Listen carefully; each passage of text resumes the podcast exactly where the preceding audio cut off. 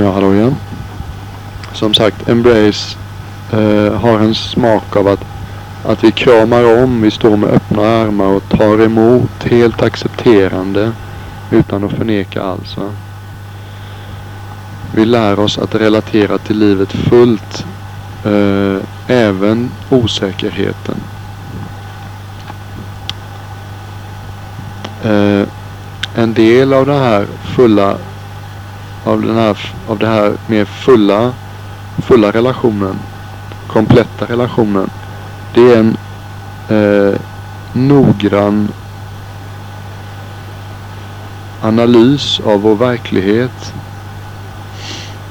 Buddhan talade om de sex vägarna på vilka vi upplever världen. De sex, de sex upplevelsedörrarna, perceptionsdörrarna. Genom syn, hörsel, smak, eh, känsel sm eh, och genom den in sinnesdörren eller min tankens dörr. Där vi tänker och känner och ser eh, mentala bilder. De här sex vägarna att uppleva, de definierar hela vår verklighet, hela vår upplevelse.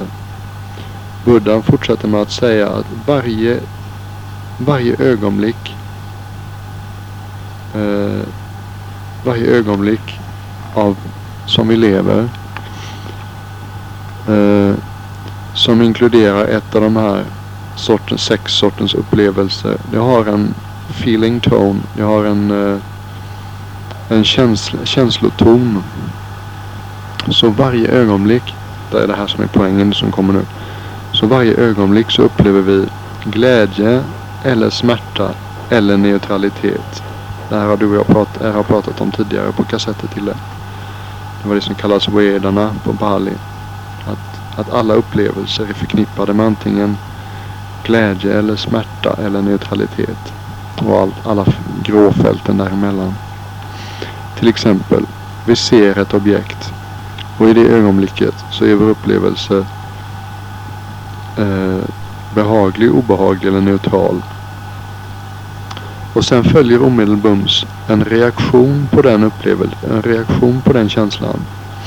När upplevelsen är behaglig och vi inte vill att den ska försvinna så tenderar vi att binda oss to cling with attachment. Vi tenderar att hålla fast med, med bindning när vi inte tycker om upplevelsen, när den är smärtsam, så tenderar vi att reagera med aversion genom att fördöma och eh, skjuta ifrån oss.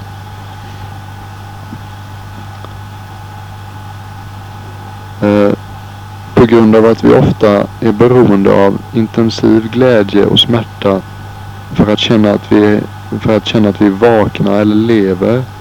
Så när upplevelsen är neutral så tenderar vi att somna. Antingen bokstavligt eller genom att falla in i ouppmärksamhet. I buddhism så kallar vi det här att falla in i delusion. Det är det jag kallar okunnighet och den tredje av de ohälsosamma rötterna. Okej, okay, det här är viktigt också. Att vi så, har gjort oss själva så okänsliga fattar inte det är någonting som är intensivt smärtsamt eller glatt så tenderar vi att somna eller falla in i ouppmärksamhet.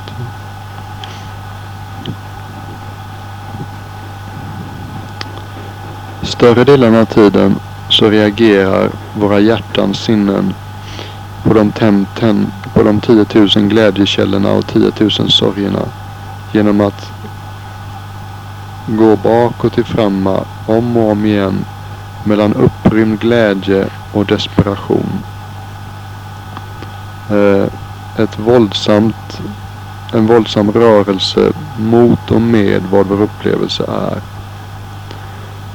Eller så reagerar vi med förnekelse i dess många förklädnader. Likgiltighet, för repression, inte vara uppmärksam, att man oroar sig eller att man känner sig disconnected. Att man känner sig att man inte, man inte är närvarande. Lyckligtvis så visade buddhan att snarare än att vara en slav under de här vanereaktionerna så kan vi lära oss balanserade reaktioner. En sån här balans betyder inte att vi slutar att känna saker. Meditation gör oss inte till gråa grönsaker utan känslor. Buddhan lärde oss att vi kan känna glädjefullt fast utan begär, utan bindning, utan att definiera det som vår slutgiltiga glädje. Vi kan känna smärta helt utan att fördöma eller hata det. Och vi kan uppleva neutrala händelser genom att vara fullt närvarande. Så att de inte är bara eh, mellantid tills någonting mer spännande händer.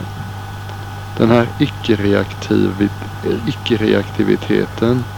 Det här är tillståndet av upphöjt jämnmod. Och det leder oss in i frid och det leder oss mot frihet varje ögonblick. Det här är viktigt. Ju mer man lär sig det här och vara närvarande utan begär och skjuta ifrån sig. Så är man på väg mot frihet.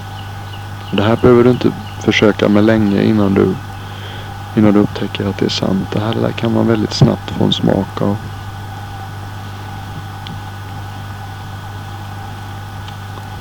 Tidigt under min meditationsträning när jag var i Indien eh, så talade en av mina lärare ofta om det här miraklet av icke-reaktivitet. Då han talade så pågick intensiva inre dialoger, inre monologer hos mig. Åh, oh, det är så inspirerande. Det här är den mest underbara läraren jag någonsin har hört. I ett enda ögonblick så kan man verkligen uppleva frihet.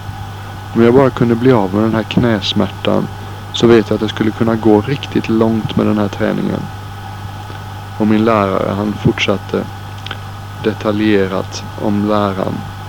Och min interna monolog. Den fortsatte samtidigt. Det är så fantastiskt. Jag har aldrig varit så inspirerad av någonting i hela mitt liv. Jag måste ha varit en buddhist i ett tidigare liv.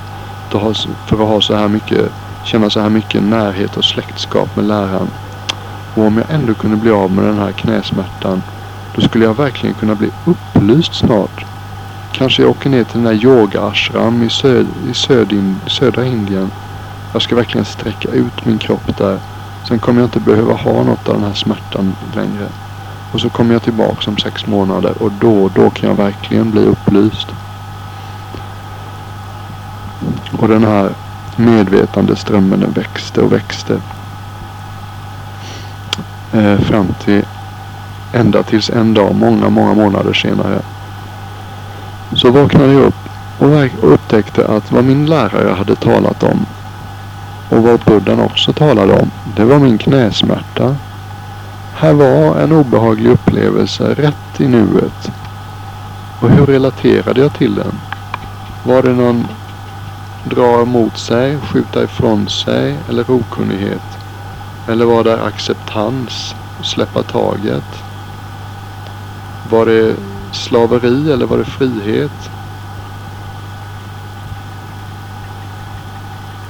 Istället för att vänta att jag kunde byta min nuvarande upplevelse mot någonting bättre i framtiden så kom jag tillbaks och öppnade till den här smärtan precis som den var. Och eh, onödigt, it, vad säger man på svenska? Och och ärade, ärade smärtan. Gav den sin, gav den sin plats. Jag, jag upphörde att se smärtan som irrelevant eller som en börda eller som en uh, curse. Eller som en uh, förbannelse. Och började se den som sanningen i det ögonblicket. Buddhas lära är inte avlägsen eller abstrakt. Buddhas lära är om vår knäsmärta och hur vi reagerar till vår knäsmärta. Krishnamurti sa, man, sa en gång att frihet, det är nu eller aldrig. Styrkan hos upphöjt jämnmod kommer från en kombination av förståelse och tillit. Den är baserad på förståelse att konflikten och frustrationen vi känner när vi inte kan kontrollera världen. Den kommer inte från vår oförmåga att kontrollera världen. Utan den kommer från det faktum att vi försöker att kontrollera någonting som inte går att kontrollera. Vi vet egentligen mycket bättre. Vi är inte dummare än att vi vet att försöka att försöka att eh, hindra årstiderna från att växla. Eller hindra ebb och flod från att växla om. Det, det, är vi för, det är vi för smarta för att försöka oss på. Efter höst så kommer vinter. Vi kanske inte föredrar det. Men vi litar på det.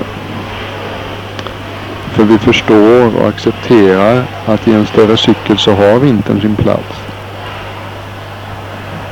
In the big picture.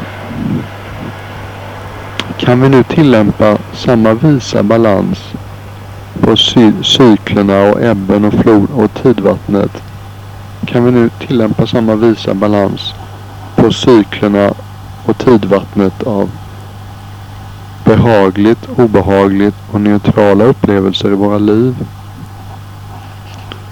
Oj det? nu kommer det ett kinesiskt poem här. Ska vi se hur det går att översätta det. Ett kinesiskt poem uttrycker eh, kvintessensen hos den här tilliten och förståelsen. Och håll i dig. 10 000 blommor i våren. Månen i hösten. Månen om hösten.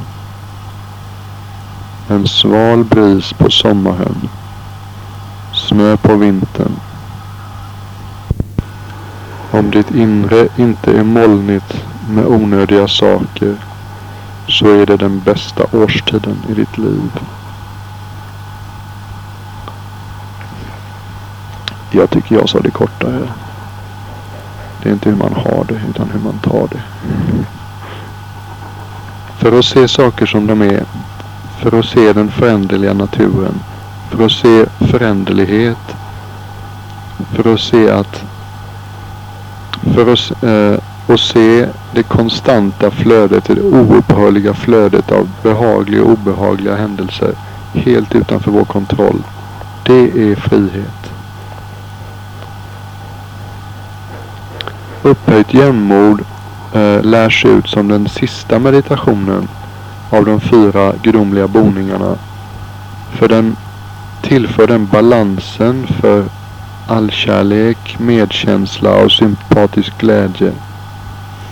De här andra, de öppnar ens hjärta i en önskan om en välvilja, en önskan om välmåga.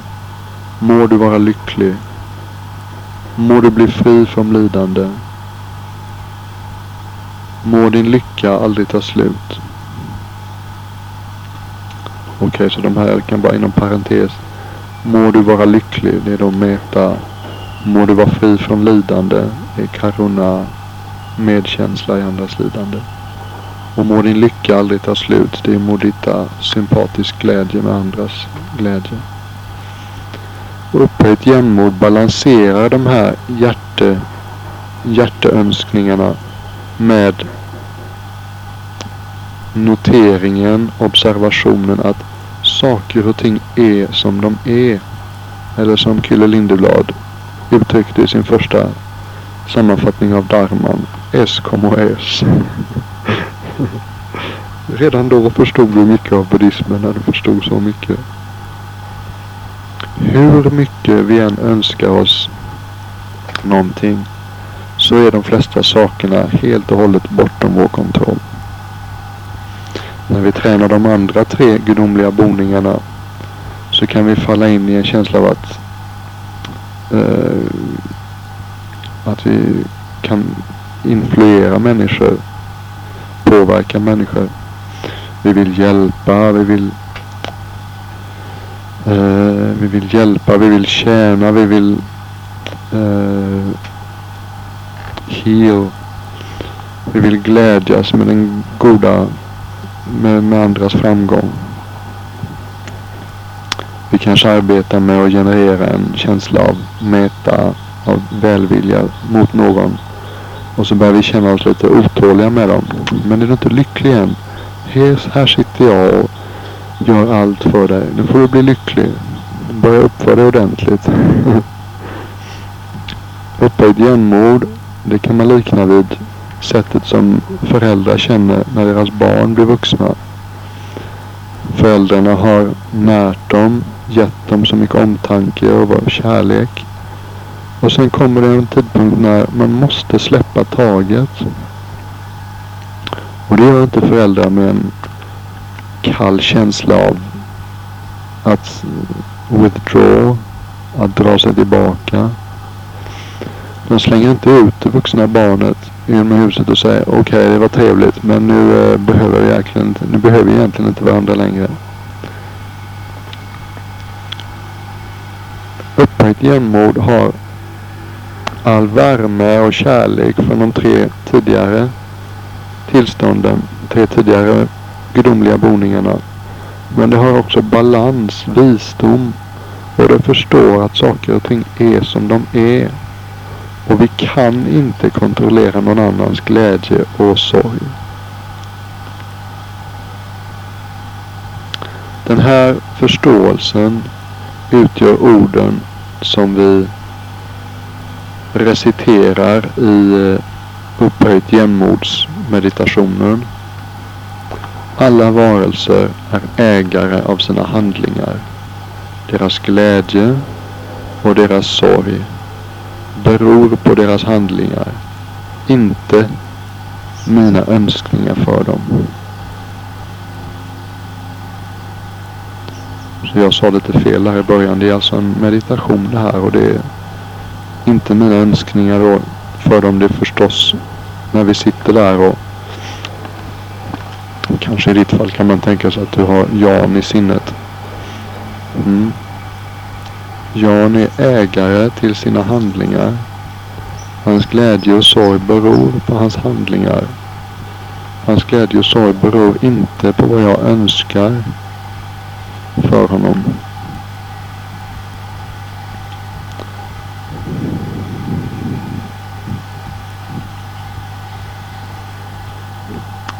Inom parentes där så är det en ganska tillnyktrande upplevelse för föräldrarna. De börjar förstå hur lite, hur lite de kan göra för sina barn. Okej, okay, fortsätter vi här. This does not. Det här betyder inte att vi inte bryr oss. Vi bryr oss mycket. Vi väljer att öppna våra hjärtan och att erbjuda så mycket kärlek och medkänsla och glädje som vi kan. Men vi måste också släppa taget om resultaten. Exemplet man kan tänka sig en vän, en nära vän som eh, sysslar med extremt självdestruktivt beteende. Vi önskar helhjärtat med stor intensitet att de ska bli fria från lidande, att de ska bli glada, att de ska få uppleva lycka. Men till syvende och sist så måste vi erkänna eller så måste vi recognize så måste vi erkänna var gränserna ligger. Vad, vår, vad vårt ansvar är. Och var glädjets källa verkligen ligger. Om den vännen inte förändrar sitt beteende så kommer de att uppleva lidande oavsett hur länge och hur intensivt vi önskar annorlunda. Vi fortsätter att erbjuda dem kärlek och medkänsla. Men vi gör det med visdomen och acceptansen att de är att till syvende och sist så är de helt och hållet ansvariga för sina egna handlingar. I nutida psykologisk vokabulär så skulle vi kalla det här eh, förlösning från codependency. Codependency det kallar man den typen av människor som säger om din man eller din fru har varit alkoholist och du har blivit liksom indragen i det här och på något sätt också blivit beroende genom att den här situationen har blivit så svår och man eh, måste kanske ljuga till vänner och lida tillsammans med den som är beroende genom hans eller hennes lidande. Och förlösning från det här, ska vi säga, andrahandslidandet då. Det är kanske en psykologisk benämning på visdomen och acceptansen när man förstår att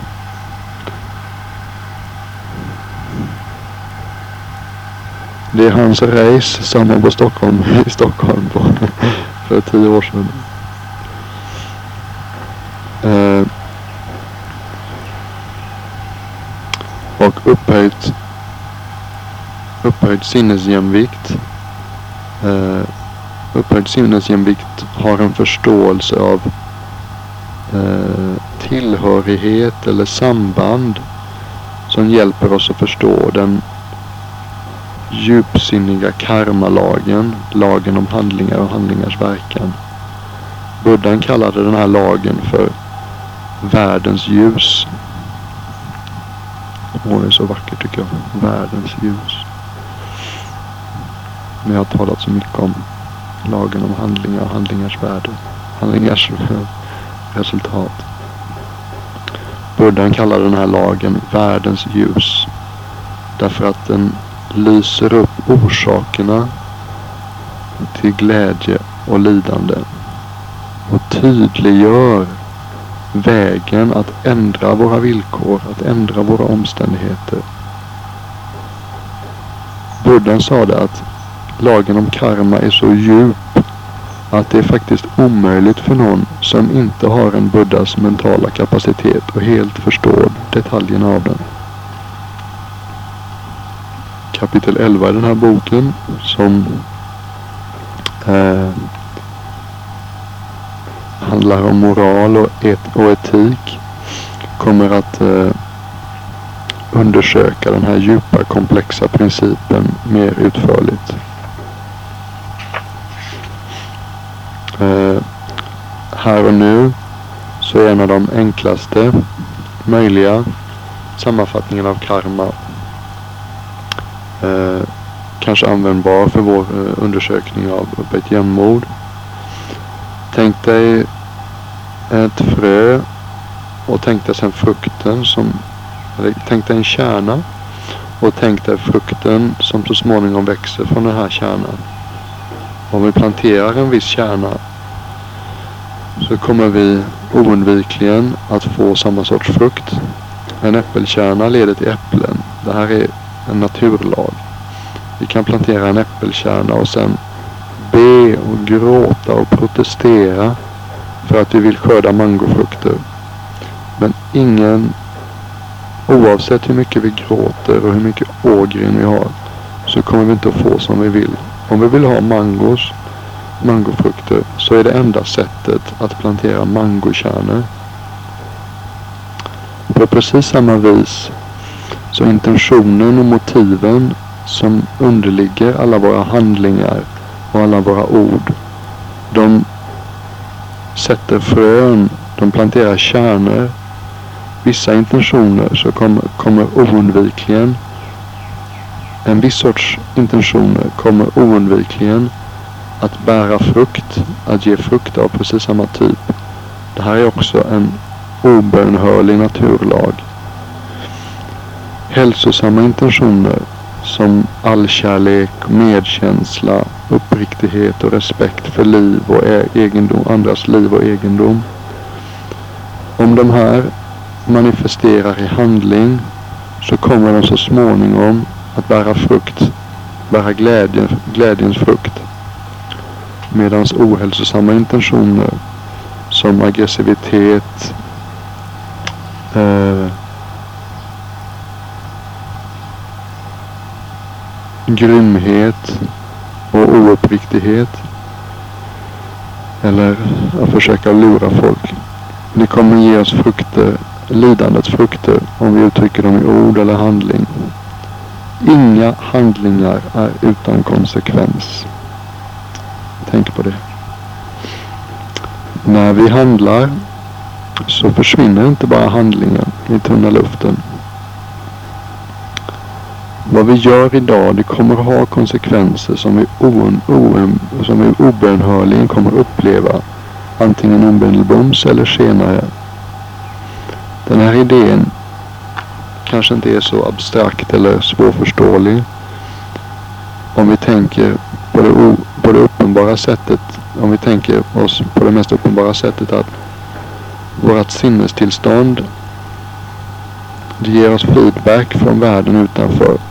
Om du har en riktigt dålig dag, känner dig arg och ilsken och rädd och väldigt separat från andra människor. Så kommer de här medvetande kvaliteterna att påverka hur du håller din kropp, hur du uttrycker dig, vilken, vilket ansiktsuttryck du har och hur du talar och hur du handlar. Och hur tror du folk reagerar på dig på en sån dag? Hur reagerar folk på dig på en sån dag? Och så ta motsatt fall om du vaknar upp full av tacksamhet, kärlek och glädje en morgon. Och den här moden, det här tillståndet varar under dagen. Hur tror du det påverkar ditt uppträdande, dina handlingar och dina ord? Och vad tror du du får för sorts reaktioner från världen då?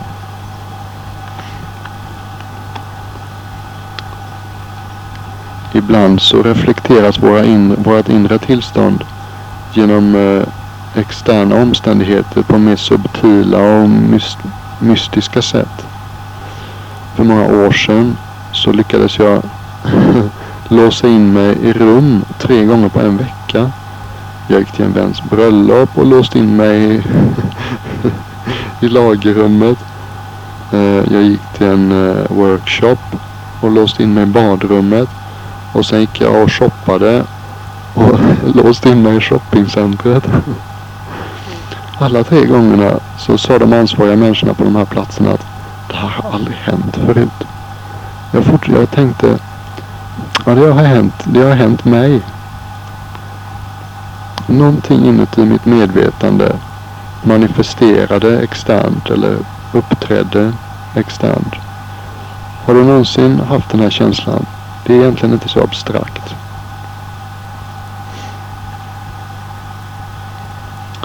Som vi skördar, som vi sår så skördar vi. På det här sättet så är karma livmodern från vilken vi alla kommer. Och allting som händer oss är på ett eller annat sätt egentligen vi själva. På så vis Förstår du det? Att allting som händer oss, nästan allting är karma från det förgångna. Jag kan säga att vi får alltid vad vi förtjänar om du vill. Jag kallar det att vi är slav till nuet. Det vi upplever det är resultatet av saker som vi har gjort i det förgångna. I det här livet eller i tidigare liv. Så att intentionerna som får oss att välja ord och handlingar de bestämmer vår glädje och vår sorg. Det är inte vår, vårt begär efter glädje eller någon annans förhoppning på vår, på vår, eh, för oss. Karma pekar här igenom till eh, personlig, personligt ansvar och även till samhörighet och förstärker upphöjt jämnmod på bägge de här sätten. Dels då genom att ge oss personligt ansvar och dels den här känslan av samhörighet med allt omkring oss. Upphöjt jämnmod drar till sig och förstärker andra befriande, frigörande sinnestillstånd. Eh, buoyancy på engelska. Det är ungefär om du tänker dig någonting som flyter upp till ytan och så flyter lätt. Ja? Buoyancy Eh, en förmåga om mjuk, en inre, en förmåga om mjukhet i sinnet. Det ger oss eh, kapaciteten att relatera till varje situation som om den var helt ny. Med lätthet och en slags känslig eh, känslig styrka. Istället för att rigid tillämpa gamla standards och bara gå på autopilot. Upphöjt jämnmod har också förmågan att stärka beslutsamhet. Det har förmågan att stärka direkthet, uppriktighet. Och eh, det stärker den här frånvaron av tvekan och osäkerhet.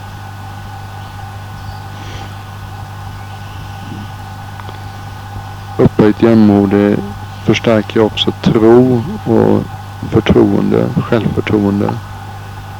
Förmågan att lita på våra handlingar och vårt varande. Och eh, eh, stärkta av den här inspirationen. Eller stärkta av inspirationen som upphöjt jämnmod ger. Så kan vi tveklöst korsa floden utan tvekan eller utan att se tillbaks. Sinnet förblir lugnt och fridfullt, stillsamt.